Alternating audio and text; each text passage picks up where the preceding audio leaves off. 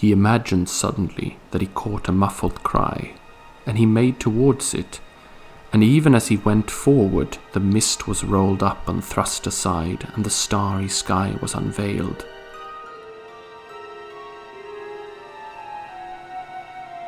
A glance showed him that he was now facing southwards, and was on a round hilltop which he must have climbed from the north. Out of the east, the biting wind was blowing. To his right, there loomed against the westward stars a dark black shape. A great barrow stood there. Where are you? he cried again, both angry and afraid. Here, said a voice, deep and cold, that seemed to come out of the ground.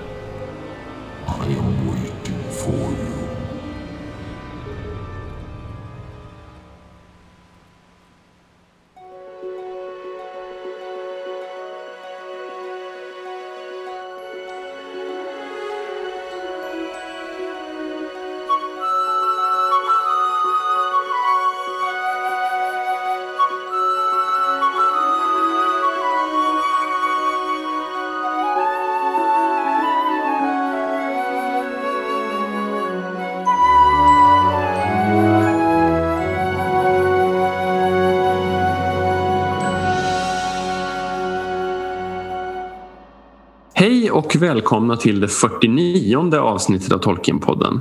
Eh, idag så ska vi gå från att fira jubileum förra gången till att gå till ett mörkare tema. Eh, vi ska nämligen ge oss in på Tolkien och skräck idag. Och det är ju någonting som vi har berört lite då och då men nu tänkte jag att vi ska ta mer av ett helhetsgrepp om det här området.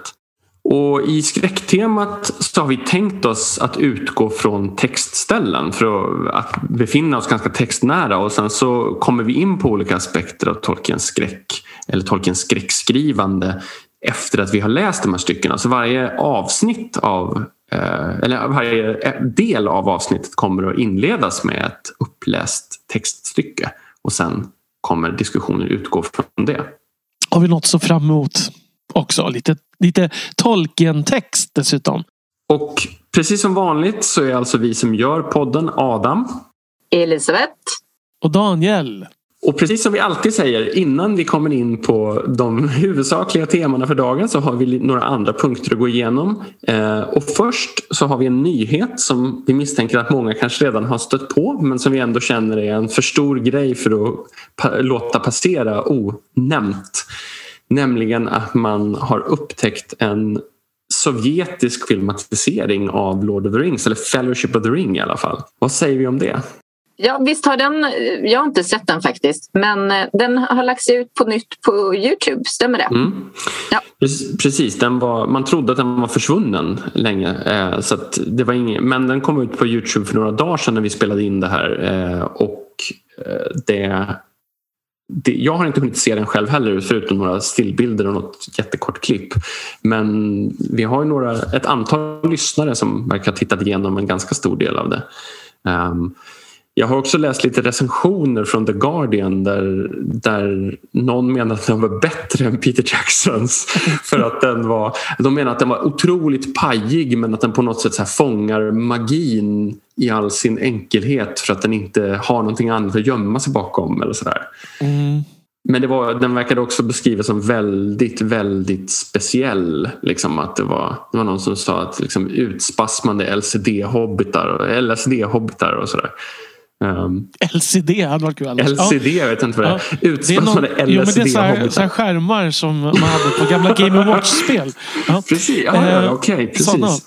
Det kanske uh, stämde med tiden när det spelades in. Ja, ja precis. Nej, men alltså det, jag har sett jättekorta klipp här. Jag tänkte jag skulle lära mig ryska först. Nej, det tänkte jag inte. Uh, det, men, men det verkar intressant. Jag, jag får ju associationer till den här gamla den är i och för sig nyare, men den finska inspelningen som vi mm. har nämnt någon gång. Eh, det känns liksom att budgetnivån är lite liknande. Så. Mm. Ehm, men eh, det är klart man måste se den här. Det är i alla fall delar, tänker jag. Mm. Mm. Vi får se om vi, det kanske kunde bli ett roligt avsnitt någon gång om vi ska göra, vi, vi kan liksom diskutera den lite grann eller åtminstone ett inslag i ett avsnitt. kommentarspår till... Precis. Då skulle det vara bra om vi förstod vad de sa också eftersom Ja, ingen av oss ja. strek all ryska. Men kanske någon lägger en engelsk textning på den om jag känner Tolkien-communityt Alltså, rätt. det är klart att det måste hända. Det, det kommer ju såklart. Men det är ändå rätt kul sådär att det kan dyka upp en ny, en ny, alltså en inspelning som har varit försvunnen. Ja, verkligen. Men från, från sovjetisk filmatisering så är steget ganska långt till Tolkien-tipset. För det är inte det, utgår jag från, som Elisabeths Tolkien-tips kommer handla om idag. För det, Elisabeth blev ju ersatt förra gången men nu är hon tillbaka in all her glory and splendor.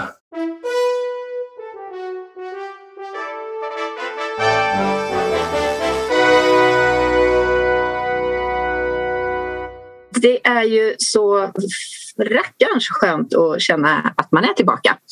Eh, även om just tolkentipset eh, kanske inte är det enda jag syftar på då. Eh, jag har tänkt att nu har vi fokuserat mycket på massa så här spel och eh, saker och man längtar efter att komma ut lite. Eh, vi kommer snart att kunna börja röra oss, hoppas vi, ute i samhället på ett annat sätt. Eh, och då vill man ju eh, ta och titta på lite olika saker. Man kanske tar sig en tur in till Stockholms centrum. Eh, där kan man nämligen gå till Nordiska museet. Eh, och Nordiska museet håller just nu på och ställer ut eh, lite om eh, olika saker som, som har påverkat Norden och dess handel och eh, ja, livsstil, mode och så vidare. Och just nu så fokuserar de på Storbritannien.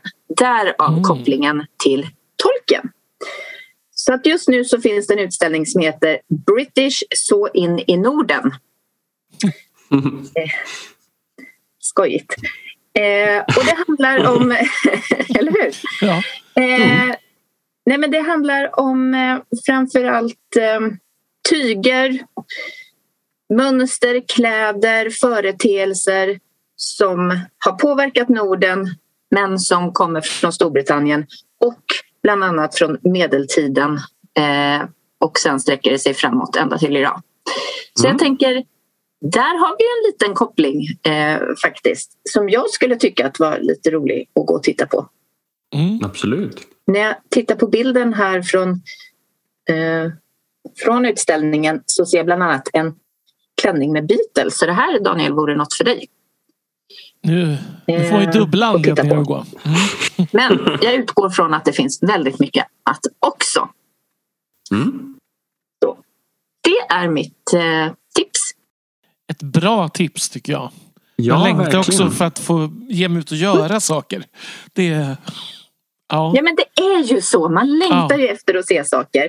Då kan jag också tipsa och säga att när jag, var när jag tittade runt efter det här så såg jag att det fanns väldigt mycket utställningar från museer som finns att hitta via internet.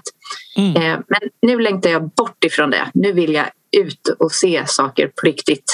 Och ja, man längtar inte efter fler skärmupplevelser egentligen. Nej. Det är inte det första hand. Verkligen inte. Verkligen inte. Och dessutom så kan jag säga för de som tänker att hallå, vi kan ju inte gå ut än. Nej, men den här utställningen tror jag håller på ända till 31 december.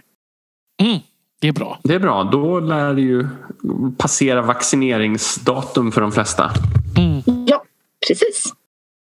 Och dessutom är det kul med en aspekt av Tolkien som mer kanske kulturinfluens snarare än något inomvärldsligt. För det är en aspekt som vi kanske Ja. inte pratar om lika ofta. Mm. Mm, verkligen.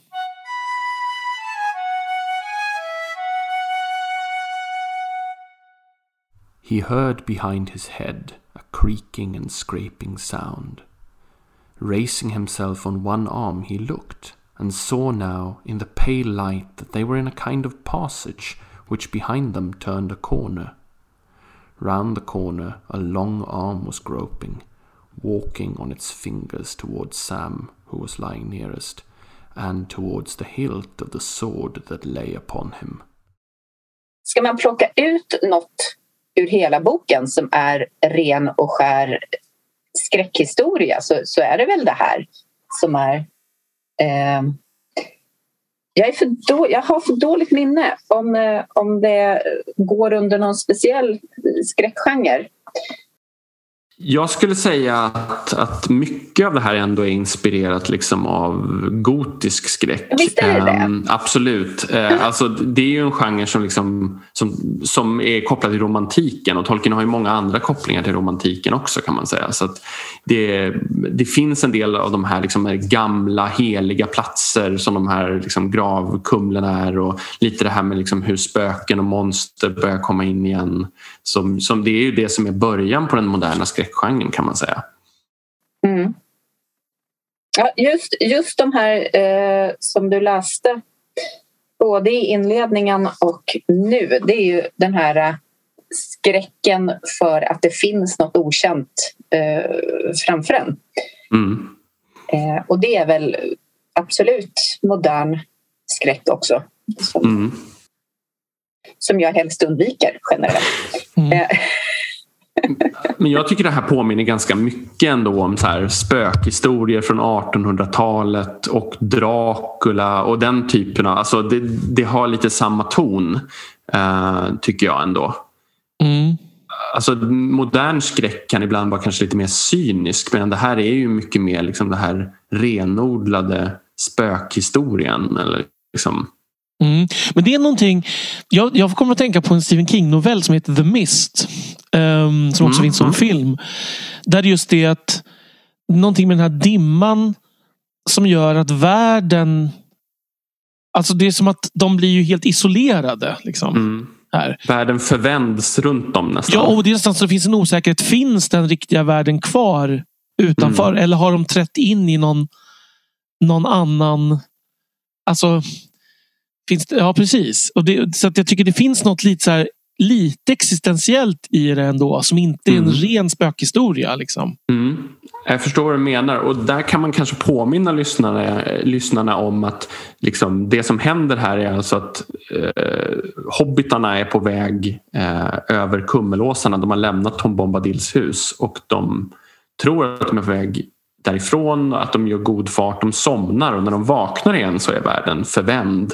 Och mm. när de kommer ifrån varandra och obehagliga saker börjar hända och sen så tappar Frodo medvetandet kan man säga och vaknar upp inne i kumlet och hans vänner, ligger, hans vänner och han ligger liksom uppklädda i underliga kläder med ringar på fingrarna och eh, andra såna här saker. Och det är då den här armen kommer krypande runt hörnet. Mm. Man skulle kunna säga att hela det här området är ju ett område som man kan ifrågasätta om det verkligen tillhör världen på något vis. Eh, för det känns som att, att allting före och efter Tom Bombadil är liksom mystiskt och lite skräckkänsla kring eh, från att de går in i skogen. Mm. Mm. Så det här, det här är ju det tydligaste men det, det finns ju före också. Jag menar, han räddar ju dem ur, ur ett sammanhang som också är ren och skär märklig skräckupplevelse eh, mm. för dem. Det finns ju aspekter av gamla pilträdsgubben och gamla skogen som du säger Elisabeth som är alltså som åtminstone gränsar till skräck skrivande. Liksom, insikten att vi inte är på väg ut utan vi bara kommer längre och längre in i skogen åt helt fel håll mot vad vi hade tänkt oss. Eller när, när jag tror när någon av hobbitarna sparkar på gamla piträttsgubben och det är som att eh, ljudet från löven är som ett skratt Alltså det, är ju, det finns ju någonting här av den här obehagliga makten som, som man bara anar. Alltså, så jag håller helt med dig om att det är en, det är en många kapitels upptrappning även om den här pausen med Tom Bombadils säkra hus kommer emellan. Han är ju pausen mm. på något vis. Han är ju liksom det. Man flörtar med genren och sen så kommer han och bryter av allting totalt. Men det gör ju också att hans hus är som en frizon. Liksom, en fristad. Mm. Men där ett, ett, ett litet rum av säkerhet. Trots att liksom Frodo ju drömmer obehagliga drömmar Mm. där. Men det är ju om, inte om det är något som kan hända där. Utan jag kommer en till parallell här som jag har hört i en annan podd. Det här med om Twin Peaks. För det är ju verkligen Det påminner mig om att Tom Bombadil är ju som the log lady. Liksom. Det, och Mm. det här är inte jag som kommer på den här idén utan den stjäl jag nu friskt. Alltså att mitt i skogen där mörkrets makter är som, och liksom i den här vildmarken så finns det en rätt skum individ, får man ändå säga. Mm. Eh, som ändå är någon slags ljus. För det är precis, finns en scen i, i, i Twin Peaks när de, ut, de ska liksom hitta en, en stuga där de tror att, ursäkta om jag spoilar saker, Laura Palmer har blivit mördad. Här, det är en gammal serie. Eh, och de är som ett litet brödraskap. Ju, de är fyra som ger sig ut i skogen. Och på vägen eh, så hittar de ju liksom det här The Log Lady, hennes stuga. Och då får de, blir de inbjudna på te där. Och sen fortsätter de uppdraget liksom på andra sidan. Det är lite samma grej. Alltså att de är, det är som en tillfällig respit bara hos Tom Bombadil. Mm. Och det finns någonting i hela stämningen av när de kommer in. Jag minns den här scenen ganska tydligt. Att det finns ju någonting likt. Det här att det är lite konstigt hela tiden samtidigt som det är väldigt mysigt och en paus. Mm, mm, Så, mm. mm, ja, precis. Mm. Det, ja, nu minns jag inte till hundra procent, jag kan göra fel här. Men det, jag tänker skiljer det är ju att han dyker ju faktiskt upp sen också Mm. och kommer in Mm. med den världen in var han än befinner sig. Liksom. Så att Mm. han kommer ju dit eh, och avbryter skräcken Mm. eh, åt dem. Ja, för annars så skulle berättelsen varit slut där. Mm. Alltså, grej, ja, Ja. och där är ju lite... Jag, jag säger alltid till mina elever att jag vill inte att de ska lösa eh, berättelsen med att de vaknar och så har de drömt en ond dröm. Eh, Mm. Så. Det är lite mm, den för, förbjudna lösningen. Något slitet. Lite grann. Men det är lite det som händer här. Mm. Det är i alla fall gränsfall mot det. Ehm, eh, däremot så är en, en intressant aspekt av det här är att Tom Bombadil faktiskt ger sig in i kumlet och stampar sönder kummelgasten senare. eh, Liksom. Så den finns ju i fysisk form. Ehm, det, Absolut. det, det, det finns ju, det, det, liksom, det, det leker med två dimensioner här på något sätt.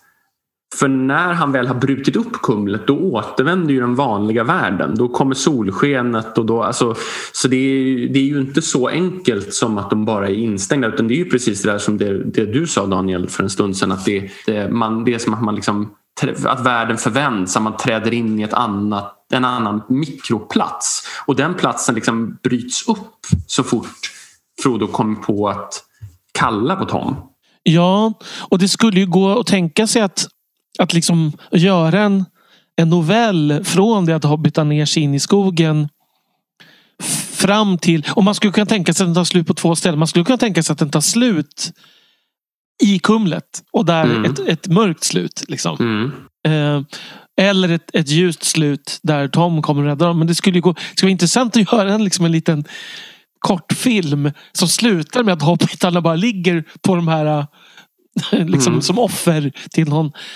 Till, det är också någon slags det är något väldigt mörkt det här med någon slags människooffer på ett, på ett, också med på ytterligare en annan dimension till det. Vad är det Mm. han offrar dem till så att säga? Ja, det finns Eh, något kultartat i det här ja, nästan. Exakt, exakt. Eh, Det intressanta är ju dock, alltså jag tänker om vi ska lite i den mytologiska bakgrunden med de här kumlen är ju att kumlen är ju från början byggda av Eddains förfäder innan de vandrar in i Simarillion-berättelsen. Alltså de är ju stört gamla, alltså de här platserna från början. Och senare så, så blir de liksom infesterade av de här eh, kummelgastarna som liksom utskick, utskickade från Angmar.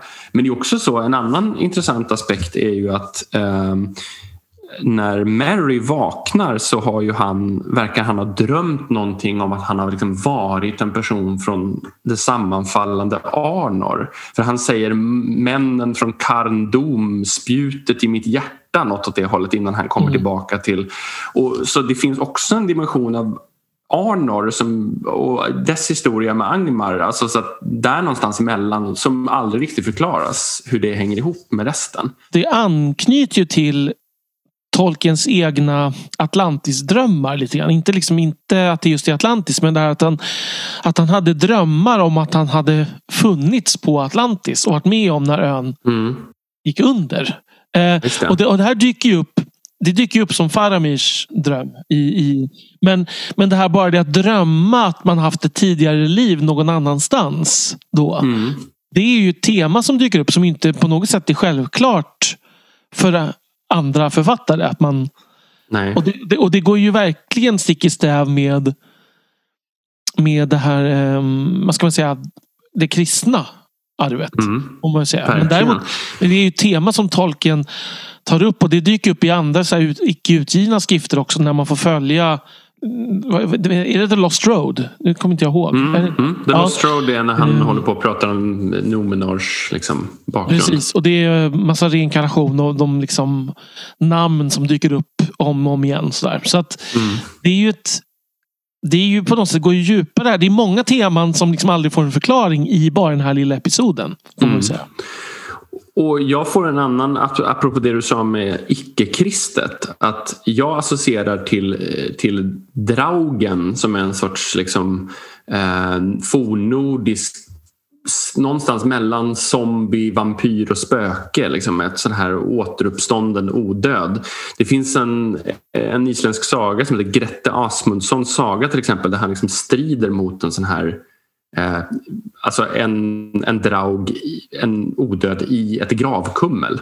Eh, och det, det finns en intressant aspekt av det här i en fornnordisk myt. Att man är, befinner sig som död befinner man sig dels i någon sorts dödsrike och det, det kan vara hel och frågan är hur, hur om Valhall inte är en ganska ny konstruktion men också på någon, i någon aspekt så befinner sig den döde samtidigt i gravkumlet. Mm. Eh, och att gravgåvor som är medskickade liksom ska tjäna någon sorts roll där. Så man, befin, man befinner sig i två dimensioner verkar det som. I, liksom, både i kumlet och i någon sorts dödsrike samtidigt. Och det tycker jag både knyter an lite till det här med de här Alltså det känns som att världen förvänds i de här styckena med kummelkastarna. Och att den här liksom onda varelsen som har nästan infekterat den heliga begravningsplatsen också har någon sorts beröringspunkt där. För det är ju också lite skräck just det här tänker jag att, att det här är ju inte en ond plats ursprungligen. Nej. Nej. Det är ju goda människor som har skapat de här som gravar till sina, sina fränder från början. Ja. Mm. Så det är liksom en okänd eh, force, någon, någonting som har kommit och tagit över, liksom. Mm. förvandlat. Mm. Precis. Och som vi sa i början av, eller som vi sa för ett, det var ganska många avsnitt sedan när vi pratade om monster så fanns det ju i början när Tolkien skrev Lord of the Rings så fanns det en mycket starkare tematisk koppling mellan kummelgastarna och de svarta ryttarna också. Så att eh, man kan ju tänka att det var ett sätt också att trappa upp temat med de svarta ryttarna som han redan hade börjat komma på när de var jagade. Och att det här var en stor, någon sorts stor konspiration. Ehm, så att de här inskickade mörka makterna på något sätt var i maskopi med varandra. Mm. Det är intressant att han tar bort det. För det som händer då är ju att episoden blir mer fristående så att säga. Mm. Um, vilket ju är liksom, eh, vad ska man säga, Eh, om man, om man hade varit en förläggare som hade haft inblick hade man nog tänkt att det var fel väg att gå. Mm. Att, att göra episoden mer lös i fogarna. Mm. Liksom. Eller, Precis, in, in, eller snarare tvärtom, in, tydlig i fogarna kanske. För det finns ju ett antal kapitel i rad här som en, även om de är spännande och intressanta eh, inte riktigt hänger ihop med huvud, den huvudsakliga dramaturgiska bågen. Eh, och det är de som också är bortklippta i Peter Jacksons filmatisering eftersom de kommer direkt från eh, fylket i Bri. Mm. Ja, precis. Man behöver man behöver ju gå vidare med själva, liksom, själva berättelsen. Mm. Eh, är väl- skulle väl jag menar, en, modern förläggare säkert ha sagt till en, Mm. till en amatörförfattare. liksom. Precis. Eh, så ja, nej, det är fascinerande. För att det, och det är det som också gör att den känns som en jag tycker på, på ett bra sätt som en separat berättelse som dyker upp Mm. i berättelsen. Um, för det är det är det väldigt spännande. Mm, mm. Och blir en ny För det- genre delvis. Precis. Ja. Ja, och det, det är ju faktiskt, jag kollade, jag räknade efter nu i huvudet här och det är väl en fyra, fem kapitel faktiskt. Som liksom Mm. där huvudbågen nästan släpps. Alltså, och som helt saknas i, i Peter Jacksons filmer. Alltså hela vägen från Crick Hollow genom Gamla skogen, genom Tom Bombadil, genom Kummelåsarna och sen fram till Brie. Som saknas. Ja. Eh, vi nämnde det här med gotiskt och Daniel sa också det här med att det var påfallande att det inte kändes kristet. Och en sak som jag tycker är spännande är att gotisk skräck, som alltså är en 1700-1800-talsgrej i första hand, um, sent 1700-tal sätter igång. Det finns ju ett antal liksom, troper. Det, det utspelar sig ofta på natten i vissa miljöer med just gotisk arkitektur från medeltiden. Det har liksom det förfall är ett väldigt vanligt tema och sådär. Och vissa eh, liksom, typiska bilder finns med. Men i den här genren när den dök upp så var det väldigt ofta så att man använde sig av just det här medeltida gotiska arvet i framförallt engelska författare som ett liksom antimedeltida och antikatolskt grepp. Alltså man såg det här som en gammal obehaglig miljö där, där liksom, eh, vet det, vidskepligheter och hemskheter hade pågått i en svunnen mörk tid på något sätt. Och det är lite spännande att Tolkien lånar från den här genren för att han älskade både medeltiden och katolicismen. Mm. Um, men han går istället ännu längre tillbaka. Han, han, han använder sig även i här tidigare i Kummelgastarna-biten så pratar han ju liksom urgamla stående stenar såna här liksom, och, och alltså olika rituella saker med kumlet också. Men han går ju förbi det katolska och det medeltida tillbaka till någon sorts hedniska eh, heliga platser istället som är förfallna. Så han gör samma grepp men han tar det ett steg längre. Ja, hur medveten var Tolkien om, om det gotiska skräckarvet är också en fråga. Mm, Så hur mycket- Hur mycket hade han säker. läst? Nej, det Något, någon koll hade han ju säkert. Mm. Det, han verkar ju vara relativt väl beläst på det sättet. Men, men man kan väl säga att mycket av Tolkiens författarskap utgår ju från samma bas som liksom romantiken som liksom leder till det gotiska. För att det viktigaste där var ju liksom det fokus på det sublima, det upphöjda, det som var liksom oförståeligt med det rationella sinnet. Och att liksom känslan ska... Liksom, och många så teman som dyker upp i romantiken och, och det gotiska kommer tillbaka hos Tolkien också. Alltså ursprung, mystik, natur, historia, myt. Alltså sådana teman. Och hos Tolkien så används de både för att framkalla vackra saker som vi har Mm. pratat om jättemånga gånger i ma- massa av våra avsnitt men också obehagliga saker. Alltså att om man tänker på det så är det liksom saker som är väldigt gamla, saker som på något sätt är rituella, skogar som vi kom, säkert kommer komma in på. Så, saker som Tolkien tyckte väldigt mycket om och var intresserad av och skapade skönhet genom använder han också för att bygga skräck med. det är inte bara ett tema, inte det här ett centralt tema till och med. Liksom att Mm. det, det okända, magiska är ju både... Alltså typ bilden av Galadriel är ju ett klassiskt exempel. Liksom, Mm. som, ju, som ju hon ju både är någon slags upphöjt, vackert, eh, nobelt väsen Mm. och samtidigt en trollpacka. Bilden av henne liksom Mm. i, i, eh, i Rohan till exempel. Då, och då är ju och det är väl liksom, den kluvenheten känns ju som att det är en, jag menar, the one ring, alltså Mm. är ju, har ju också den kluvenheten. Så tänker jag. Är det inte lite att, att han ehm, precis som med romantiken plockar in det här med risken att försöka spela Gud? Absolut. Eh, Det kom ju in med Nomenor till exempel. Och Galadriel tänker jag. Och orker och diverse. Verkligen. Men jag tänker också att många av Tolkiens känslor bygger på just det här sublima. Alltså att det är ju inte något förnuft styrt. Utan det är det här, det är liksom, han använder ju ofta sådana adjektiv också. A nameless horror, den typen av uttryck. Sådär. Alltså det är det här det som inte går att förstå. Det är det som skapar mening och starka känslor i både positiv och negativ riktning på något sätt.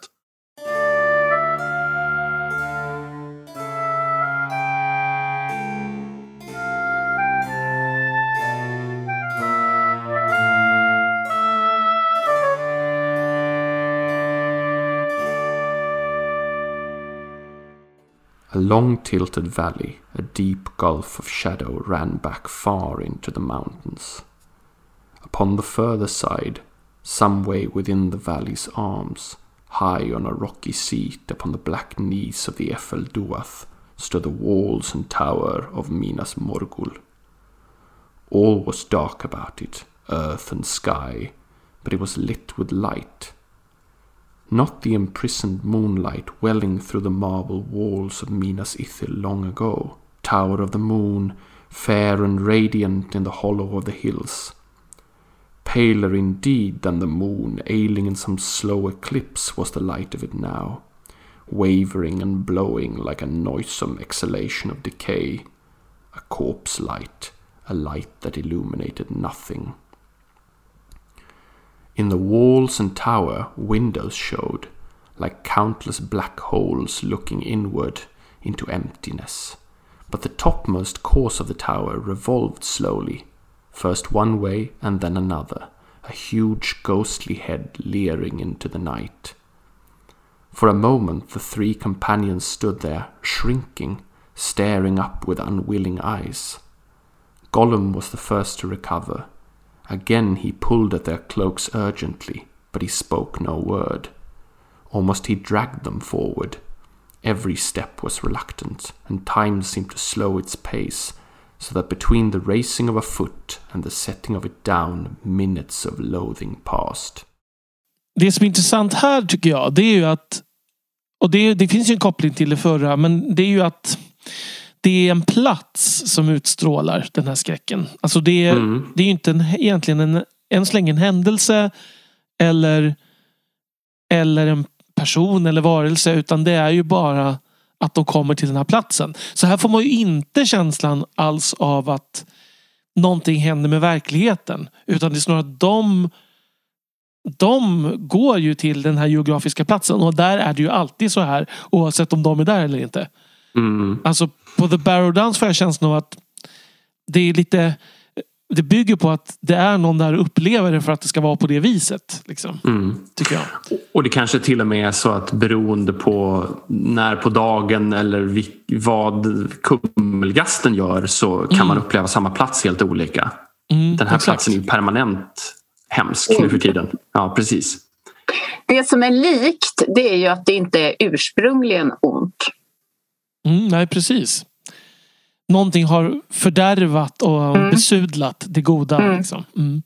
Mm. Det, tror, det tror inte jag är bara sådär något som råkar vara utan det tror jag eh, min känsla är att det är medvetet val. Mm. Det är ju ett genomgående tema tänker jag hos Tolkien. Det här med liksom det ursprungligen rena. Det är ju lite syndafallet över alltihopa hela tiden. Liksom. Att någonting som förvrids när någonting mörkt sipprar in. Liksom. Det temat kommer ju tillbaka hela tiden. Med Mm. liksom skapandet av orkerna och alla möjliga såna här liksom, hur Nomenor vänds från det vackraste och finaste människan skapat till mm, mörkerdyrkan. Alltså det är lite samma tema hela tiden, den här utförsbacken. Mm. Precis, och här har man liksom tagit någon slags månskensromantik och gjort till något Mm. obehagligt. Ändå apropå Mm. att saker kan vara både och. Och han säger att det är a corpse light som illuminated nothing. Eh, och, och det, är ju en, det är ju lite intressant apropå det där vi har pratat om många gånger med Peter Jackson och ljus. Att Mm. det är svårt hur man ska tolka det ljuset. Ehm, för det, här måste man ju tänka sig något väldigt så här. eh, Det är något väldigt visuellt det här. Och olika människor kanske ser olika bilder framför sig när de läser. Ja, precis. Det är något eteriskt och någonting ändå lite så här förföriskt i det på något sätt ändå. Mm. Tänker jag. De här blommorna som dyker upp senare i det här stycket ju Mm. till exempel. Och sen det här faktumet att Frodo börjar gå mot Ja, staden. precis. precis. Det, Kraften i det. Mm. det påminner ju väldigt, väldigt mycket på ett sätt tycker jag om Döda träsken. Ju, som ju har varit Mm. eh, Mm. typ, alltså i, i det här att det finns en dragningskraft i det. Och, och en liksom återigen en ursprunglig skönhet som har förfulats. Liksom. Och förruttnat nästan. Och och jag tycker att ett annat viktigt tema är det här att ehm, vi faktiskt inte får se insidan utan att det är okänt. Liksom att det, det är ett sätt att förmedla hur läskigt det är att vi inte får uppleva det. Och apropå det så är det ju faktiskt så att i tidigare utkast av Lord of the Rings så fick man se insidan. Eh, och Tolkien reflekterade över det här så jag tänkte att vi kan, vi kan titta lite på, på det. För att i tidiga versioner av Lord of the Rings så blir Frodo tillfångatagen eh, och för, alltså den tillfångatagning som leder till Kirith Ungol i den utgivna boken. Han hamnar alltså istället i Minas Morgul där Sam räddar honom i tidigare versioner. Um, och vi, vi får se exempel här eh, i tidigare versioner där, där alltså eh, Sam smyger sig in i Minas Morgul um, och det beskrivs lite grann från insidan. Um, och ett stycke som, som man får se inifrån Minas Morgul går så här. Now they issued from the loathly tower. Evening was falling. Away in the west, over the valley of the Anduin, there was some light. Far away loomed the black mountains and the tower of Minas Tirith, had they known. But in the east, the sky was dark with black and lowering clouds that seemed almost to rest upon the land. An uneasy twilight lay in the shadowy streets. Shrill cries came, as it were, from underground. Strange shapes flitted by or peered out of alleys and holes in the gaping houses. There were dispirited voices and faint echoes of monotonous and unhappy song. All the carven faces leered, uh, and their eyes glowed with a fire at great depth. Det här är ju jätteintressant tycker jag för att det ger ju en inblick. Det, alltså jag menar, det lilla vi får se vad som händer i Saurons rike är ju egentligen när dels då i ehm, ehm, Alltså det är ju när Frodo och Sam är hos orkerna och även när de är ute och patrullerar tillsammans med dem. Men det är ju inte Mm. den här, alls den här känslan. Nej. Här får man ju känslan av ett... Alltså jag, börjar associera till någon slags um, efter kriget liksom, miljö. Mm. Alltså en, en, någon, någon, där folk gömmer... Alltså, det, det lever ju inte människor kvar här men man får nästan känslan av att det gör det. Att det, liksom, Precis. att det gömmer sig människor i de här husen. Liksom, och de här och just att de beskrivs som gator och gränder och så. Det är ju Mm. att det är en stadsmiljö verkligen. Som, Och det är det ju. Alltså det är ju en, Mm, det är en spegel mot Minas Tirith Mm, kan man ju säga. Han nämner ju Minas Tirith som liksom borta i fjärran också som ett sätt att kontrastera. Men, men det finns ju andra delar av det här. Nu läste jag det som kanske var mest spöklikt. Men det finns ju andra delar av Minas Morgul som är mer likt Kirith Ungol-beskrivningen med de här olika orkerna och hur de liksom smyger från dem och sådär. Ehm, det är en sak som är spännande här i, i det här tidiga utkastet är ju att alla orker har stenkoll på att Frodo är ringbäraren och liksom exakt vad ringen handlar om. Så att det, där har han också ändrat sig. Liksom. Mm, mm. De vet precis vem de har tagit och sådär. Så det, men det var en side-note. Men Tolkien gör Det känns ju en ganska rimligt då att de, han gjorde den här ändringen. Det kan man säga, absolut. Men Mm, verkligen. Tolkien gör en liten notering för sig själv här. För det här är ett väldigt tidigt. Det här är egentligen tänkt som ett utkast. Det kommer från The Treason of Isengard, sjunde History of Middle-earth-boken. Och ehm, det är egentligen tänkt som en outline. Han har bara kommit till Lothlorien i historien och han har börjat skriva en outline. Vad ska hända sen? Och sen när han kommer till Minas Morgul blir han inspirerad och liksom kastar sig rakt in i berättelsen igen och börjar skriva dialog. Liksom. Han tappar att han skriver en outline. Men sen skriver han en notis åt sig själv där det står så här Minas Morgul must be made more horrible. The usual goblin stuff is not good enough here. Eh, och sen skriver han The gate shaped like a gaping mouth with teeth and a window like an eye on each side. As Sam passes through it he feels a horrible shudder. There are two silent shapes sitting on either side the sentinels. Så här så hittar han också på de här väktarstatyerna med tre huvuden som sen dyker upp i Kirith Ungolls torn.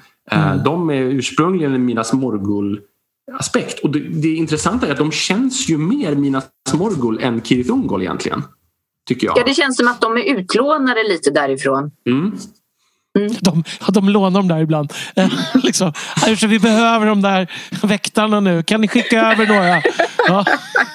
Lisa dem på veckobasis. ja. Nej, men det är ju...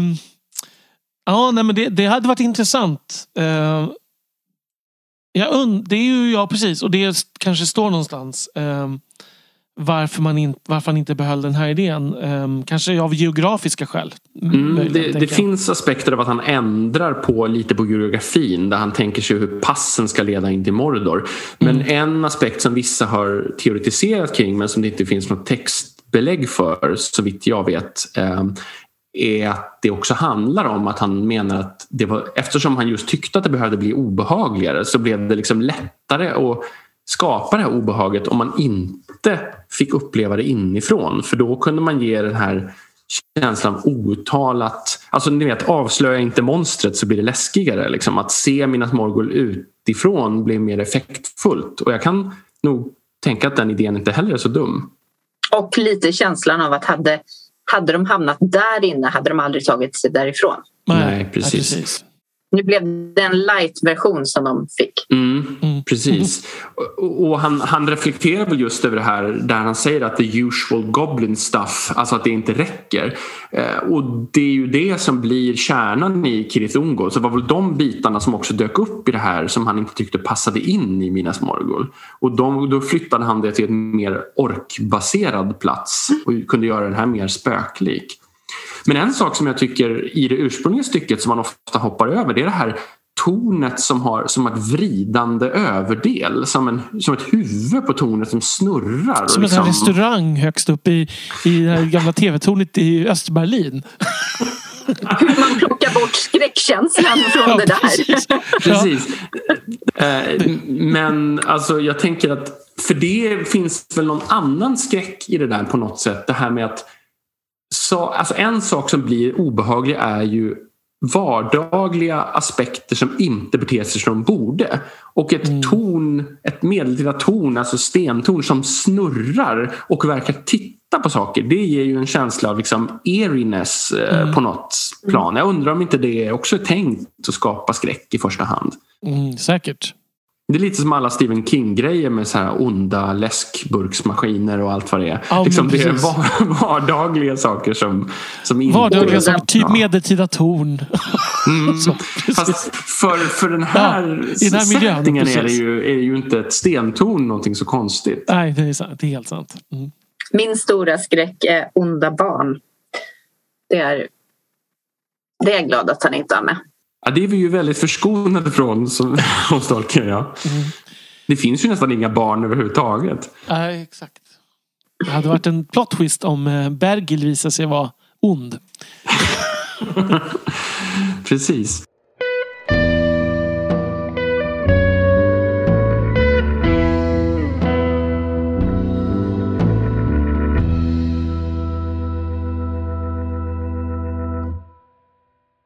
Hardly had Sam hidden the light of the star glass when she came. A little way ahead and to his left he saw suddenly, issuing from a black hole of shadow under the cliff, the most loathly shape that he had ever beheld, horrible beyond the horror of an evil dream. Most like a spider she was, but huger than the great hunting beasts, and more terrible than they because of the evil purpose in her remorseless eyes. Those same eyes that he had thought daunted and defeated, there they were, lit with a fell light again, clustering in her outthrust head. Great horns she had, and behind her short stalk like neck was her huge swollen body, a vast bloated bag, swaying and sagging between her legs. Its great bulk was black, blotched with livid marks, but the belly underneath was pale and luminous, and gave forth a stench. Her legs were bent, with great knob joints high above her back, and hair that stuck out like steel spines, and at each leg's end there was a claw. Man blir sugen att träffa henne. Nej! Nej. Men det här tycker jag är intressant för det här är en helt annan typ av skräck. Mm. Alltså det här Verkligen. är ju äckelskräck. Verkligen. Skräckel. Ja, precis. Och det är ju någonting som är väldigt vanligt i modern skräck, i alla fall som ett inslag. Ehm, men det är väl nästan det enda tillfället att Tolkien går in i så här mycket äckeldetalj. För även när man beskriver obehagliga saker så är det ofta lite mer abstrakt med sådär f- ord om hur fruktansvärt något var. Här går han ju in i fysiska detaljer på ett Mm. helt annat sätt. Mm, verkligen. Usch ja. Ja. Nej, men, ja. Nej.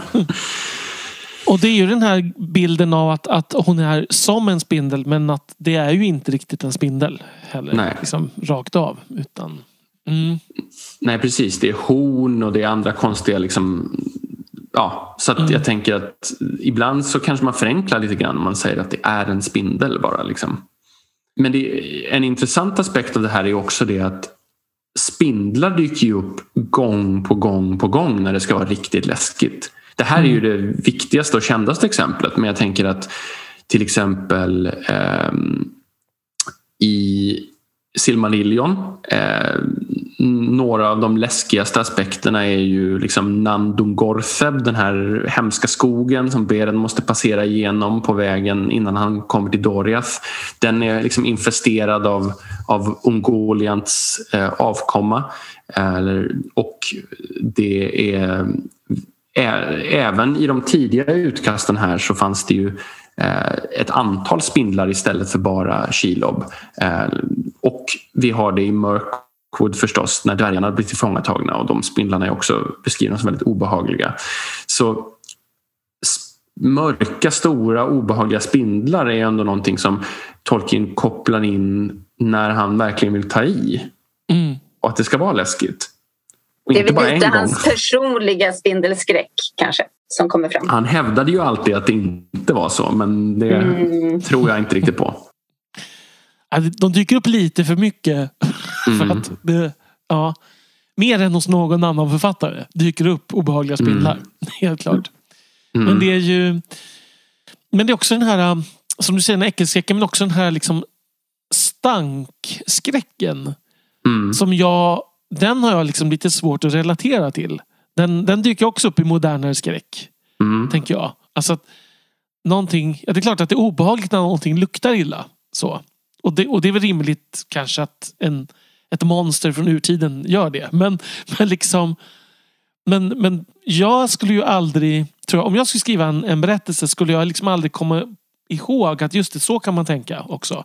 Att det här Mm. skulle lukta illa. Det. Det är ju den här, för, den här liksom antagligen associationen till död och... och Mm. Men också förfall. Kan inte vara Ja, det här liksom att, inte, inte bara det här med att man ruttnar när man dör utan också det här att det rena är besudlat återigen. Mm, För jag menar spindeltemat kommer ju in i Silmarillion när Ungoliant liksom suger livet ur de här ljusa träden som är liksom, Mm. de är ju på något sätt det goda och, i, och, och hon är det smutsiga och äckliga spindelmonstret. Så det finns ju någonting i det här, det besudlade hela tiden. Ja, men man får ju bilden av att Shelob är redan lite halvförruttnad. Mm. Alltså det är att det är något... Hon, hon, har inte, hon har inte badat på länge. Det är ju inte den biten. Nej. Liksom, man tänker. Nej, det känns inte helt friskt heller utan det är ju det här liksom att det är en massa konstiga fläckar på kroppen Ja, och hängande. precis. Alltså det, är, precis, det är som att hon är besmittad av sig själv, av sitt eget mörker. Mm, mm. Ja, nu blir det ännu obehagligare faktiskt. Jag tänkte just det, det här blir liksom bara värre och värre ju mer man tänker på det. Ja. Mm. Kanske inte ska läsa det kapitlet på ett tag.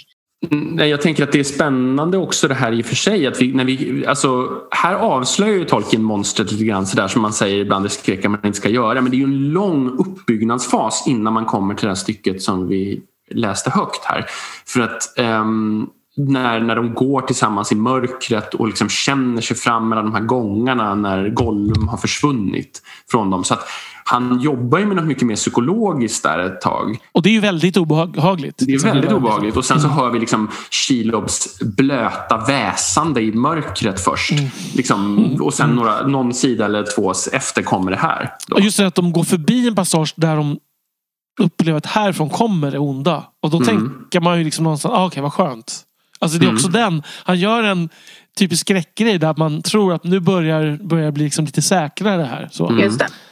Eh, det borde man i och för sig kanske inte tänka när de befinner sig där de befinner sig. självklart inte, men det är ändå en, en skräcktrop känns det som. Mm. Eh, bara, nu är vi säkra och så vaknar monstret till liv igen. Det är ju typiskt. Liksom. Eh, Men en annan sån här koppling som finns här till tillbaka till gotisk skräck i det här med tunnlarna. För det finns en, en alltså, boken som satte igång hela den gotiska skräcken. Det här tar jag i minnet så det kan vara fel men jag tror att den är från 1764. Att den heter Borgen i Otranto eller något sånt där. Och det är liksom en gammal borg som har jättemycket tunnlar i underjorden och sådär. Där liksom folk dyker upp konstiga, liksom, där de inte borde kunna vara. Och Tolkien har ju mycket såna här också. Torres Ungol, Moria, under dimmiga bergen, andra delar liksom också där, där såna här tunnlar nere i mörkret spelar ett, en viktig roll. Eller liksom, han, han beskriver Angban som labyrinthine structures och stairs eller något sånt där också. Att ja, det blir en nästan psykologisk bild att man irrar runt inne nere i, djupt i sitt mörker på något sätt. Det här med att gå omkring i underjordiska tunnlar påminner ju väldigt, väldigt mycket om de här tidigaste liksom, datorrollspelen. Där ju det var liksom det var det man gjorde i princip. eh, I de allra tidigaste.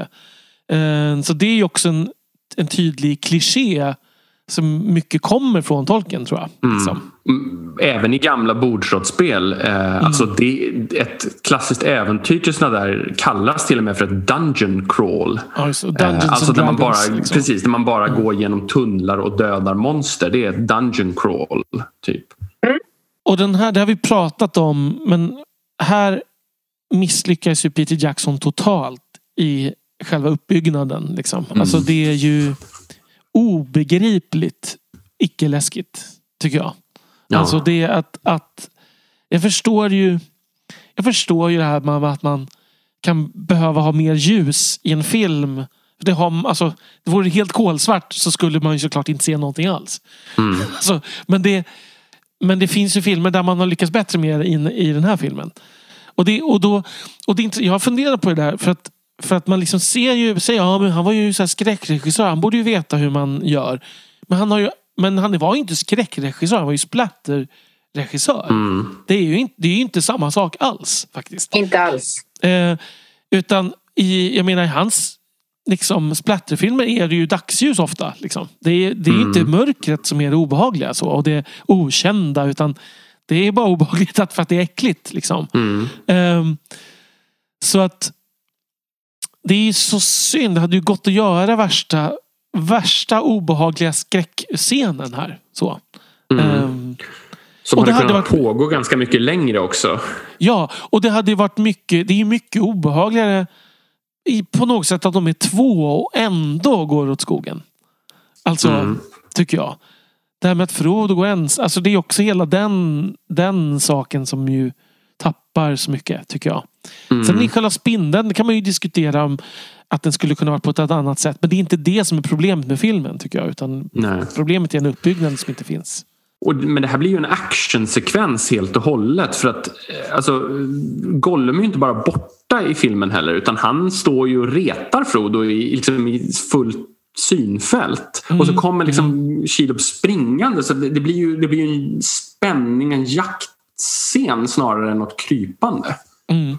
Ja, verkligen. Frågan är om, om det är medvetet för att hålla ner åldersgränsen. För jag tänker att det kan bli otroligt obehagligt om man bygger upp det ur skräck. Mm. Ja, säkert. Delvis i alla fall. Det är, ja, precis. Hade man gjort en skräckfilm helt plötsligt, ett mikrokosmos här, så hade men såklart det hade varit inneburit massa problem med åldersgränser. Så är det ju. Ehm, Så man måste nog också tänka på det sättet att liksom förstå hur många miljoner eller miljarder de tjänade på att hålla åldersgränsen på 11 istället för 15. Den såg jag nyligen dokumentär bakom hur de gjorde Prometheus, den här prequelen till Alien som Mm. Ridley Scott gjorde. Där de gjorde, det finns en berömd scen när Noomi Rapace hamnar i en eh, någon slags en läkepodd. Och så, alltså inte podd som i en podcast utan en kapsel. Liksom. Och så, så ut- utförs en, ett kejsarsnitt i den där. Liksom. Och då gjorde de ju två Mm. versioner av den. Där en är med blod och en var utan. Liksom, för att Mm. kunna... Jag kommer inte ihåg till slut vilken de väljer faktiskt om jag ska vara ärlig. Men, De väljer den utan blod tror jag. Den är, den är ganska torr. Den, alltså, Mm. ja. och det var ju av åldersgränsskäl för att kunna... Mm. Eh, liksom, vilken nivå på filmen ska vi göra? Så. Mm. Filmbolaget vill ju alltid ha en lägre åldersgräns. Mm. Men det här, jag tänker att det här är ändå ett av de bästa skräckstyckena hos Tolkien. För att det kombinerar många delar. Det är förräderiet hos Gollum, det är en långsam uppbyggnad, det är mörkret, det är den här okända gamla platsen, det är äcklet. Och sen är det också det här att det verkar som att de kommer undan sen och när Frodo Mm. blir kappjagad. Det är också en skräck i det här liksom Ja, det blir ju nästan som en, ja, men som en skräckfilmstwist. Som du sa förut Daniel, när monstret vaknar till liv igen. När de faktiskt kommer ut och Kilo kommer ikapp Frodo utomhus. Mm. Precis, och man tror, fast man kanske inte gör det, men man ska tro att Frodo är död dessutom. Men om man läste boken för första gången innan det fanns någonting. Undrar om det inte skulle kunna vara tänkbart ändå att man som läsare tror att det är Sam som måste avsluta uppdraget. Mm. Jag minns inte vad jag, Alltså, he, ja. vad jag trodde. För jag visste ju inte någonting om det när jag, började, när jag läste första gången. Nej. Eh, Jag kommer faktiskt inte ihåg. Men sen så är det ju ganska snart får man ju veta. Det är inte så att man får veta. Det är inte en cliffhanger till nästa bok. Utan man får ju Nej. veta. Orkerna säger ju när Sam förföljer Mm. dem att han lever I sista kapitlet där, ja. Ja. Precis. Men jag, har, jag tror att jag tyckte att det var otroligt. Mitt minne är att jag tyckte att det var otroligt spännande. Han lever alltså. Liksom. Mm. Vilken, åh nej, vilken eländig situation. Liksom. Alltså Mm. typ så. Mm. Ja, eh, så tror jag att det var. Jag minns den lilla meningen gjorde väldigt starkt intryck på mig. Så det borde ju berott på att jag trodde att han var död. Jag tycker ju att det snarare är en cliffhanger. Men eh, alltså, Ja, åh, det är det ju. han är Ah, inte död. Ja, jag Eh, förstår men att det skapar en situation vad- till nästa Ja, bok. Det är, Mm. mer av en cliff, det är faktiskt mer en cliffhanger, absolut. Jag vet inte vad man ska kalla det då. Alltså känslan av att man trodde att han var död. Var, men då är det kanske mer en uppgiven känsla man får. Liksom. Ungefär som när Gandalf dör. För då är ändå känslan att man ska tro att han är död, tänker jag. Men det intressanta är att det här har ju blivit eh, det här med hjältar som kommer tillbaka till livet har ju blivit, så, har ju blivit en sliten trop i sig själv i fantasygenren. Mm. Och både Gandalf och Frodo kanske delvis är skuld till det. Säkert. Det är inte bara i fantasy. Nej, Det är ju så Fast- fort eh, läsar eller tittarsiffror sviktar så kommer ju döda tillbaka. Bobby Ewing. Ja, det var precis vad jag Ja. tänkte på. Ja. Och då får vi dessutom drömtropen med också. Bästa av två världar. Ja. fördelen som fantasy har är att man kan liksom döda folk ganska grafiskt och sen kan de ändå komma tillbaka. Ja, exakt. Eh, Man behöver inte ha lika eh, liksom, krångliga bortförklaringar som i såpoperor och sånt. det hade ju varit väldigt chockerande om Bobby Ewing hade dödats av jättespindel. Liksom. det hade varit, det hade varit eh, En intressant. frisk fläkt Ja, verkligen. hade det varit. Precis.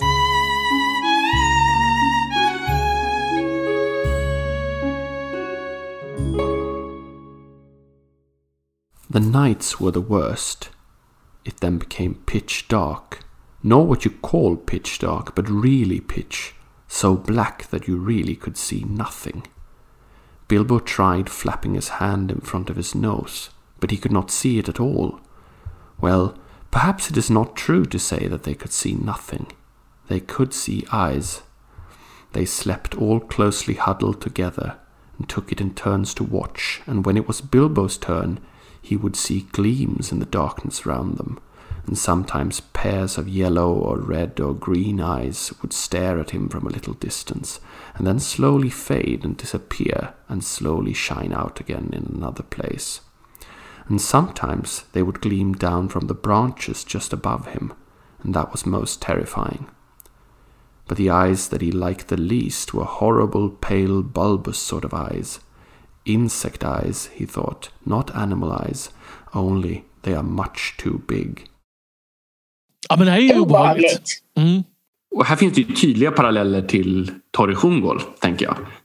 Både det här med ögon ur mörkret och det här med insekter som är för stora, även om spindlar väl tekniskt sett inte är insekter. Men... Nej, han hade fel där.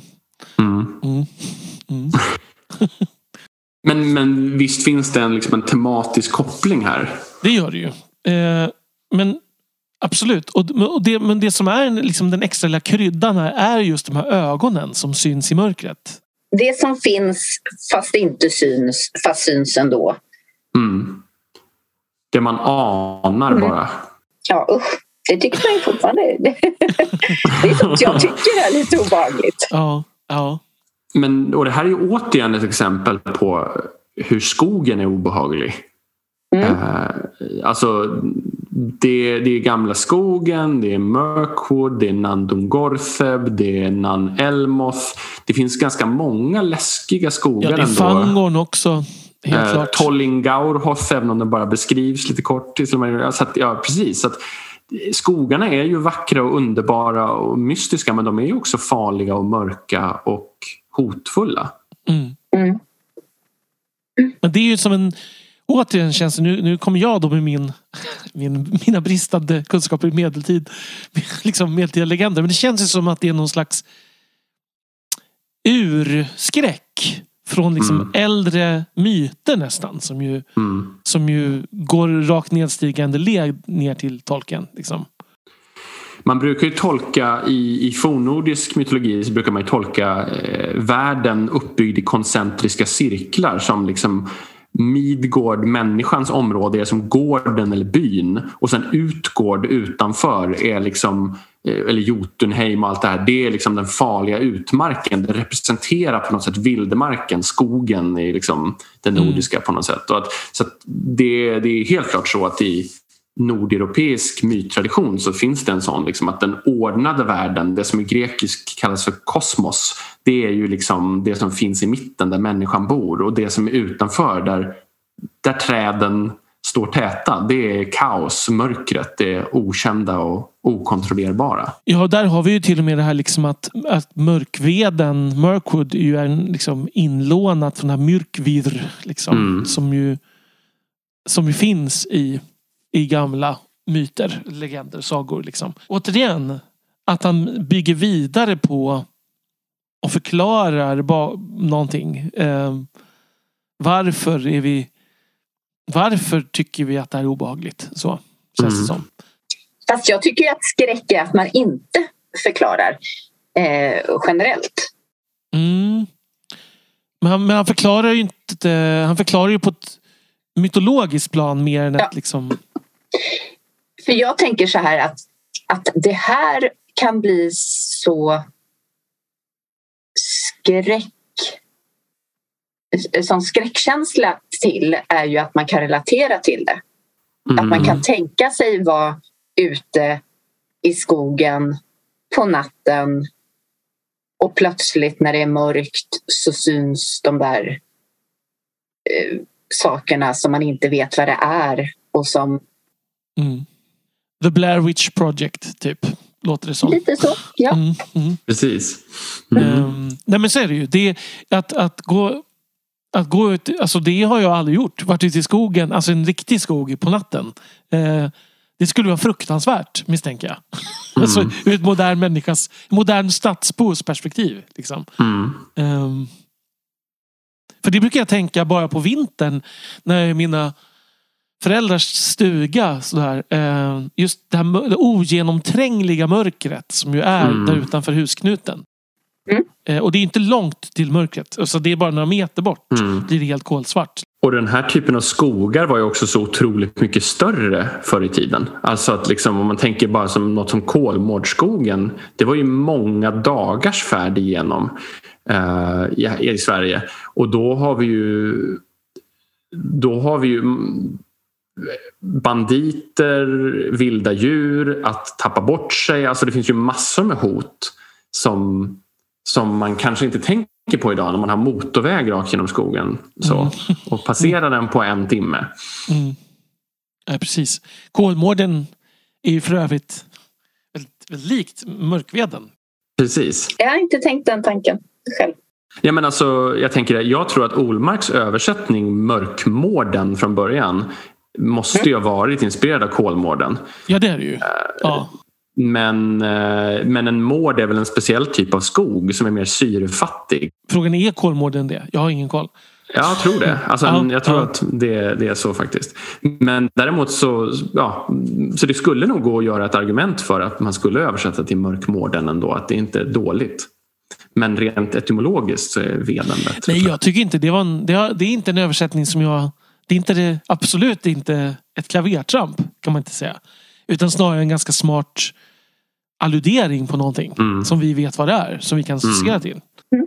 Och sen kan man ju liksom, om man vidgar det här så kommer ju så småningom också det här mer utomvärldsliga med alverna små eldar som tänds också mm. dessutom. Som ju inte är en eh, vad ska man säga? Det är ju inte en alltigenom positiv upplevelse att de upptäcker att det tänds eldar av alver här. Nej. Ehm, även om de så småningom inser att de måste göra någonting. Gå till de här eldarna så är det ju det, här, det är de, här, de här eldarna som de tänder här och de små festerna de har är det mest utomvärldsliga alviska vi får se tycker jag överhuvudtaget i hela hans skrivande. Alltså där är mm. något mer Alven är något äldre mer obehagligt än vad de någonsin är någon annanstans. Här är det ju som ett keltisk inspirerat The Fairy Realm. Alltså där någonting som liksom inte går att förstå som flyttar sig och som försvinner och som är både lockande och hotfullt på samma gång. Och det, och det är bara här tycker jag i Tolkiens... Alltså för sen är det mer när folk pratar om det som man upplever det. Men jag upplever ju aldrig Lothlorien riktigt så här. Eh, Nej obehagligt som de här alverna är. Dessutom är de ju väldigt Shakespeareanska här tycker jag. Mm. Alltså det är ju Oberon och Titania som har fest mm. i princip. Fast ingen Titania. Nej precis, det finns någonting av nästan här skörderitual och hela det där i, i mm. det också. Verkligen. Och Puck skulle kunna komma liksom. Ja. ja. Nej men precis, men det, fin det finns ju också en parallell med, mellan eldarna hos alverna och eh, Döda träsken. Det här med att ledas av vägen, det är ju ett gammalt mytologiskt tema som sen lånas till skräck. Att liksom man får ett råd som man absolut inte får bryta och sen så känner man, men nu måste vi väl ändå bryta rådet. Alltså det är en sån här klassisk sådär och så gör man det och så går allting fel. Och det här när de lockas längre och längre ut i skogen av eldarna är ju en typisk sån. Och, och saker och ting är inte vad det verkar. Så när, när Bilbo klättrar upp i trädet och får en bild av att skogen fortsätter oändligt långt. Mm. Och så är det inte så utan de råkar bara befinna sig i en sänka just då. Att inte lita på det man ser utan lita på som sagt det goda råd man har fått. Men en annan sån här skogsrelaterad grej som inte är så lik det här med spindlarna men som går att knyta till det här med alverna. Det som jag känner också går att knyta till gotisk skräck det är ju Nan Elmoth och Eol, svartalven från Silmarillion. För, för där finns det väldigt tydliga kopplingar både till mytologi men också till gotisk skräck.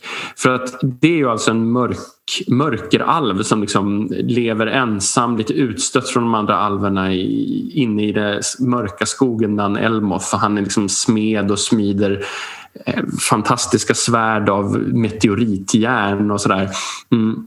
Och han rövar ju bort då mm, Ardel, eh, den vita förstinnan av, av Gondolin, Turgons syster. Och eh, han får barn med henne, Maiglin som senare blir viktig i Gondolins fall. Eh, men där finns det jättetydliga kopplingar till till det här eh, gotiska. För att ett väldigt vanligt tema i det gotiska är att det finns en sån här jungfrulig vit kvinna som på något sätt är liksom utsatt. Som är liksom den som man ska känna för och att det finns någon typ av rovdjursbeskriven farlig man i mörkret. Tänk greve Dracula, hela det här liksom temat. Och där Eol känns väldigt mycket som den här hotande manliga eh, liksom, eh, bortrövande och nej, men du vet, så här, den, den aspekten på något sätt. Och sen så är det det här liksom med natten och det är också så att Eol förbjuder dem att gå ut i dagsljus så de, de är så här helt bleka och går runt som sådana gestalter i den här nattmörka skogen. Det finns något väldigt gotiskt i, i det visuella som tecknas i den berättelsen. Precis, och jag tänker det finns ju en som finns även hos Draken, Dracula, någon slags det här sexuella skräcken, mm. tycker jag. Mm. Alltså om liksom våldtäkt och... Alltså det, det, det är på mm. ett, ja, det är på ett helt annat sätt än, än det mesta andra. Och den undertonen finns ju inte så ofta Tolkien men då och då. Den finns ju även när Luthien tar sig ner i Angband. Eh, då, då hintas det om att Melkor känner någon sorts mörk lust liksom, som han måste liksom, ja, och att det är det som på något sätt gör att han inte bara dödar dem på en gång och det är det som de kan utnyttja och få honom att somna. Men då står också det att han hade mörkare gömda intentioner än han hade haft sedan världens skapelse. Så det är tydligt för Tolkien att det här är liksom ett, ett tema som han inte kan tala rakt ut om men som liksom ligger som en hemsk underton. Det är inte något som kommer förekommer jätteofta, det ska man väl inte Nej. Eh, anklaga honom för att ta upp generellt utan det är väl nästan de tydligaste ställena. Mm. Jo, det är väl det. Det finns väl en aspekt även det med Luthien när Kellegorm och Korofin rövar bort henne. Att det finns mm. Eh, hintar kring det där också. Eh, men återigen mm. rätt outtalat. Ja. Och då blir, då blir obehaget ett annat på något sätt. Det blir ju en mer... Mm. Speciellt i en modern värld med liksom allt vad... Jag tänker det är mycket mer som är aktuellt just nu känns det som. Liksom. Mm. Som ju... Som är svårare att göra en, en sagoaspekt av. Liksom, tänker jag. Mm. När det kryper nära en, en verklighet. så. Mm. Och det ligger ganska långt från det mesta andra i det här avsnittet som är liksom mm. mer de här övernaturliga äldre skräckelementen. Det känns ju lite som, som eh, alltså, vi pratar om realism men kanske också krigs eh, eh, realism på något vis. Eh, något som är väldigt säkert förekom då som nu eh, i, i form av i, samband med krig och sätt att utöva makt. Ja, nej, det, det är ett annat obehag. Mm. Mycket större. Och det är ju någonting som finns i ganska mycket av den gotiska eh, litteraturen. Både i den tidiga liksom från 1700-talet, det här temat är outtalat. Men också det, som sagt, det syns i Dracula. Med liksom, och det, det syns i ganska många av de liksom, kvinnliga författare som kom under 1800-talet som liksom, omformade den gotiska skräcken där det temat kom tillbaka på andra sätt. För det, det liksom, när man flyttade saker till medeltiden och till såna här mytiska miljöer kunde man kritisera saker i sin samtid som man inte kunde prata rakt ut om. Mm. Det finns ju också som en metaaspekt i typ Baskervilles hund, tänker jag. När den mm. ursprungliga mm. legenden om hunden, när de jagar den här stackars flickan mm. och sen dyker hunden upp. Liksom. Eh, mm. Det, är, det är ju väldigt mycket Kellegorm och Korofin över den händelsen faktiskt.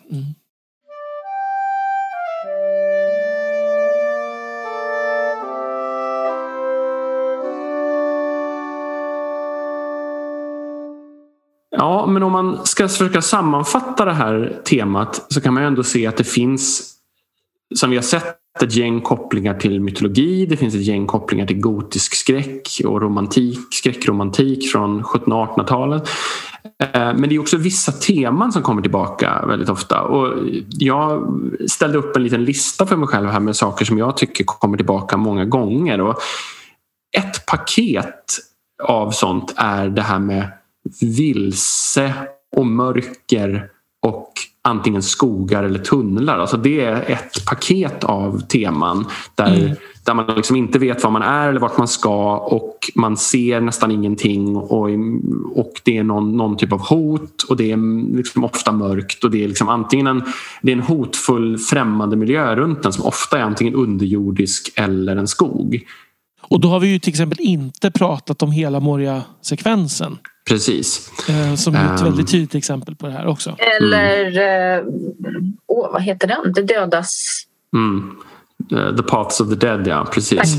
Mm. Uh, där kände vi väl att det blev lite kaka på kaka med alla, ja. vet det, alla spöken och så. Så därför så valde mm. vi att inte, inte ta den som ett eget tema. Men, men det är ju samma sak. Det är det, man blir förföljd i en okänd och man, då när de hittar liksom, eh, när de hittar den här konstiga dörren som Baldor eh, hade försökt öppna. Den här ro, rohiriska prinsen. Alltså, så det är också någonting i det här det okända.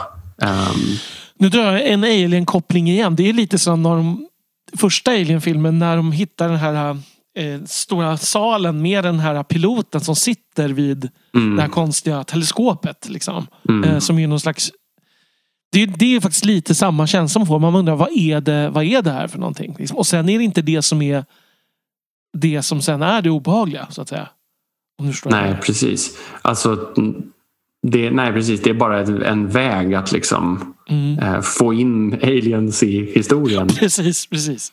Och, och, men, och sen ett annat sånt här paket som inte... Alltså spindlarna kommer ju in där ofta. Det har vi nämnt. Det är ju en annan så aspekt. Men, och, sen, men det, och sen det här spöklika, odöda. Eh, det kommer ju in ett antal gånger. Det kommer ju in liksom i Kummelåsarna, det kommer in i De döda stigar. Det kommer in i vet du, Minas Morgul på något plan. Det här med Gasta. Det kommer in i De svarta ryttarna.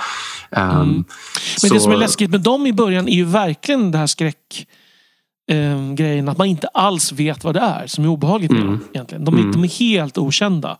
Mm. Det är ju fortfarande bland det mest spännande tycker jag i de första boken. Att det är liksom är, ingen vet vad det här är. Så. Eh, utan det är bara främmande och obehagligt. Så. Mm. Och det är ju någonting som, som nästan skulle gå att sy ihop alla de här sakerna med. Att även när Tolkien förklarar så är det ofta det okända som är det som är kittlande i mörkret. Alltså det är, det är ögon som man inte ser, det är ett konstigt ljud från tunneln, det är ett mörker från urtiden, det är de här nameless things nere i Moria, det är okända ryttare som jagar en. Det är, det är ju det här sublima igen på något plan. Att det mm. är, det som inte går att förstå, det som inte går att ta in, det som ingen vet. Det är det som egentligen är basen i det som är läskigt. Som så ofta. Ja, för att, för att vara en, en författare som inte är en skräckförfattare så är det ju ovanligt mycket skräck. För att vara en fantasyförfattare känns det som att det är ovanligt mycket skräck. Mm. Ska man inte kunna säga det ändå? Alltså man, om man börjar jo. pilla lite på det här. Alltså gräva lite i det. Ja, eh, det är ju ofta det är ju korta stötar. Det är väl det som mm. gör att det inte kanske har uppmärksammats så mycket. Att det ofta är några stycken i taget och sen växlar det ut till en annan, en annan stämning igen. Jag tycker ju att Kummelgastarna som ju är ett, ett stycke som går att ta bort utan problem egentligen. Mm. Är ju för mig ändå mer integrerat i handlingen än The Past of the Dead. Mm. På ett verkligt plan. Jag, jag vet inte mm. varför om jag ska vara ärlig. Jag tycker ju The Pastor Dead är ju, måste ju vara där för handlingen. Eh, mm. Men det känns mer... Men jag undrar om det är för att vi, vi har kommit så långt i berättelsen och berättelsen har tagit en annan väg. Och att det är de här... När hobbitarna ger sig in i det här i den gotiska skräckmiljön så är det liksom rimligt. För mm. de är 1800-talsvarelser.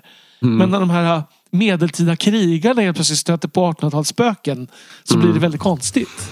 Kan det vara Precis. det kanske? Ja, men jag, jag tänkte lite samma sak faktiskt. Att man är redan så inne i det här Beowulf och blåsa i horn-modet mm.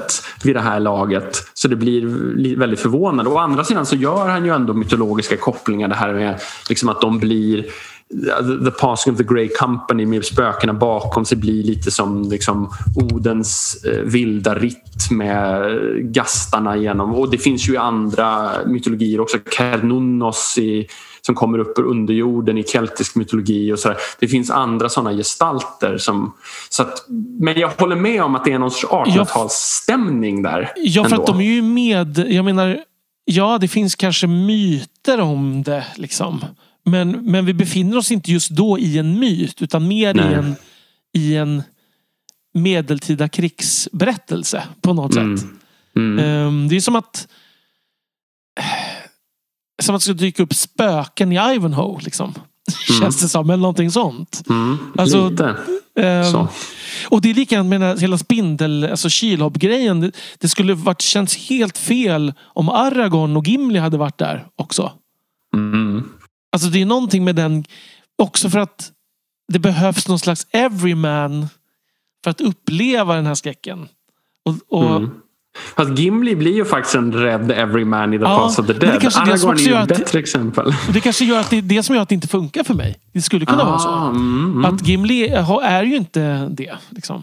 Jag vet inte. Vadå, tänker, tänker du att utan Gimli så hade det blivit bättre? Nej, det tror jag inte. Men det hade kanske blivit bättre med Mary och Pippin där också. Att, att Gimli är för mycket av en mytisk krigargestalt för att man ska kunna känna igen sig i hans rädsla på något sätt. Ja, lite Och så. att hobbitarna fungerar bättre som stand-ins för oss. Mm.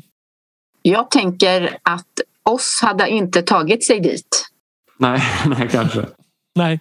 Alltså på, något, på, något, på något vis så, så tror jag att eh, eh, det som händer där det är ju att, att han visar att eh, det här är så totalt bortanför den nivån som, som eh, något, det vi kan relatera, liksom, det som är vår nivå eh, kan hantera. Så att det krävs Eh, nu har vi Gimli som redan har liksom utmärkt sig som någonting som klarar saker som vi andra inte klarar av. Men han håller på att eh, bli tokig där. Jag tycker det är ganska bra ur den aspekten just. Ja, men samtidigt så utsätts ju Frodo Sam väl för mer psykisk terror på något plan, tänker jag. Alltså, för de befinner sig mitt i smeten. Alltså att Frodo, fast Frodo klarar ju inte det å andra sidan. Ehm, Nej. kan man Mm. ju säga. Nej, men jag ser ju på Frodo, alltså Frodo och Sam kanske som mer uthålliga än Gimli. Alltså att det är det som är hobbitarnas deras liksom naturliga, det skriver han väl, deras naturliga optimism och glädje och liksom enkelhet är det som ger ett skydd mot allt Mm. det här som onda. För, men det finns, ju, det finns ju någonting lite olikt ändå i upplevelserna. För att det, det här spökaspekten finns ju inte riktigt i en entré. Alltså lite grann i Minas Morgul men det är ändå någon annan typ av, av take Alltså på det. är mer- ringvålnaderna i sig är väl, får man väl säga. Precis, men de känns ändå mer som någon sorts ohelig mörkermakt Mm. medan The Pass of the Dead känns mer klassisk spökhistoria från 1800-talet. Det finns någon känns skillnad i tonen tycker jag. Mm. Ehm, och där, även om jag drog det här långa grejen med den mytologiska kopplingen så förstår jag vad du menar där Daniel. Men jag bara menar att Frodo och Sam har ju egentligen inte upplevt den typen av sak sen Kummelåsarna ungefär. Mm. Eh, resten är ju en annan typ av skräck eller utmaning eller mörker eller så. För Mordor, jag letade igenom Mordor och även om det är en massa saker som är obehagliga och mörka och läskiga, det finns inte riktigt någonting som känns skräckartat när de väl har passerat in i Mordor. Det är mer ett lidande än en, en rädsla faktiskt. Mm. Det finns saker som är läskiga och spända men inte läskiga på det sättet. Alltså jag tänker ju att vara utsatt för Saurons blick. Liksom, Mm. i, att det i sig är värre än någonting. Alltså jag tänk, så tänk, ser jag ändå framför mig att de är på den yttersta gränsen in i på tröskeln till verk, det verkligt onda som inte ens går att greppa Mm. hela tiden. Men, men det tänker jag blir nästan, det lämnar skräcken och blir nästan metafysiskt och blir absolut. religiöst. Ja, Liksom. men det håller jag med Mm. om. Men jag menar att det är det jag menar att det, vad de, de är utsatta för är ännu mer obegripligt Mm. att förstå. Det är liksom lite Mm. så. Det går inte ens att beskriva som en skräckroman.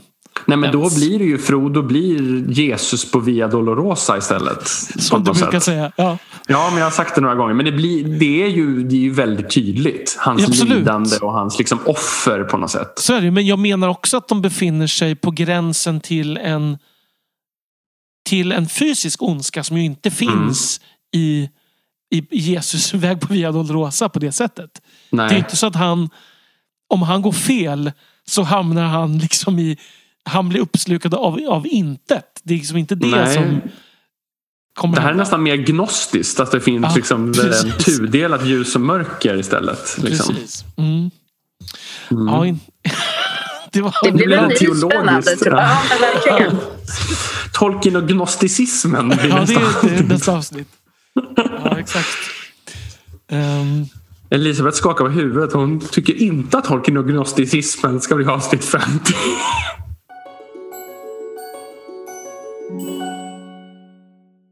Nu hoppas vi att vi har lyckats täcka de flesta av skräckaspekterna i Tolkiens skrivande. Ehm, och vi försöker, försökte sy ihop eh, lite grann på slutet där också. Men ehm, om ni har några, fl- någon mer input, några fler tankar eller om ni inte håller med oss om någonting så får ni jättegärna som vanligt höra av er till oss. Antingen på mail på tolkienpodden gmail.com eller på Facebook, Tolkienpodden. Eller på Twitter, Tolkienpodden. Och det behöver ju inte vara att ni inte håller med oss men det kan ju vara också att ni har något ställe som ni tycker att här eh, missar ni att ta upp just något som är klassisk skräck. Eh, det skulle vara roligt att få höra om. Ja, med de orden så tackar vi för oss. Tack så mycket och hej då! Hej då! hej då! Och sköna maj välkommen säger vi dessutom.